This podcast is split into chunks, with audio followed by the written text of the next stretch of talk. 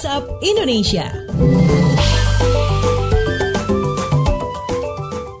Waktunya kita keliling Indonesia di WhatsApp Indonesia. Kita mulai dari Jakarta. Erik Thohir singgung mafia Alkes. KPK pastikan belum terima aduan.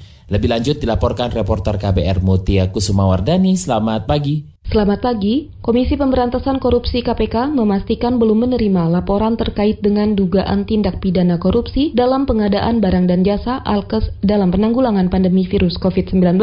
Hal itu disampaikan Jubir KPK Ali Fikri terkait pernyataan Menteri BUMN Erick Thohir mengenai dugaan mafia tata niaga alat kesehatan. KPK pun meminta bekas bos Inter Milan itu melaporkan dugaan korupsi alat kesehatan ke lembaga anti rasuah melalui bagian pengaduan masyarakat. Jubir KPK Ali Fikri menambahkan, lembaganya akan menindak tegas terhadap pihak yang korupsi terkait dengan pengadaan barang dan jasa Alkes dalam situasi penanganan virus corona saat ini. Ali menegaskan, dalam memberantas korupsi pihaknya tidak akan memandang bulu. Diketahui sebelumnya Menteri BUMN Erick Thohir menyinggung adanya mafia dalam impor alat kesehatan. Ia beralasan mafia Alkes ada karena impor alat kesehatan ke Indonesia masih sangat besar, mencapai 90 persen.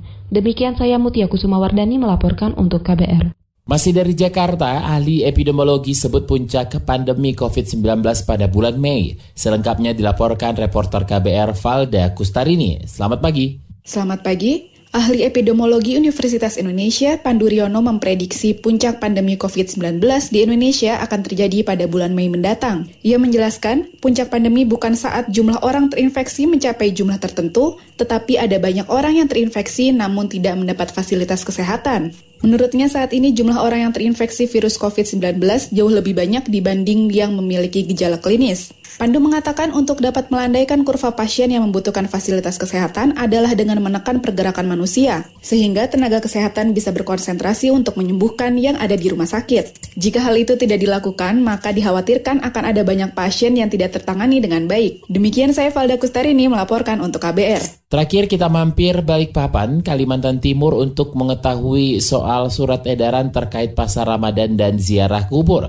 Selengkapnya dilaporkan kontributor KBR Teddy Rumengan. Selamat pagi. Selamat pagi. Pemerintah Kota Balikpapan mengeluarkan surat edaran terkait tidak adanya pasar Ramadan dan tidak ziarah kubur. Wali Kota Balikpapan Rizal Effendi mengatakan kebijakan tersebut menghindari berkumpulnya masyarakat karena kasus COVID-19 di Kalimantan Timur terus meningkat. Dia menyarankan warga yang ingin berjualan agar secara online demi menjaga penyebaran COVID-19.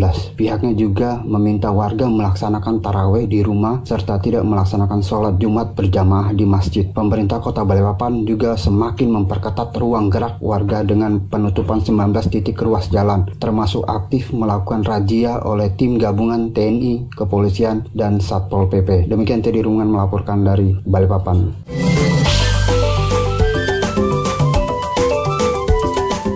WhatsApp Indonesia.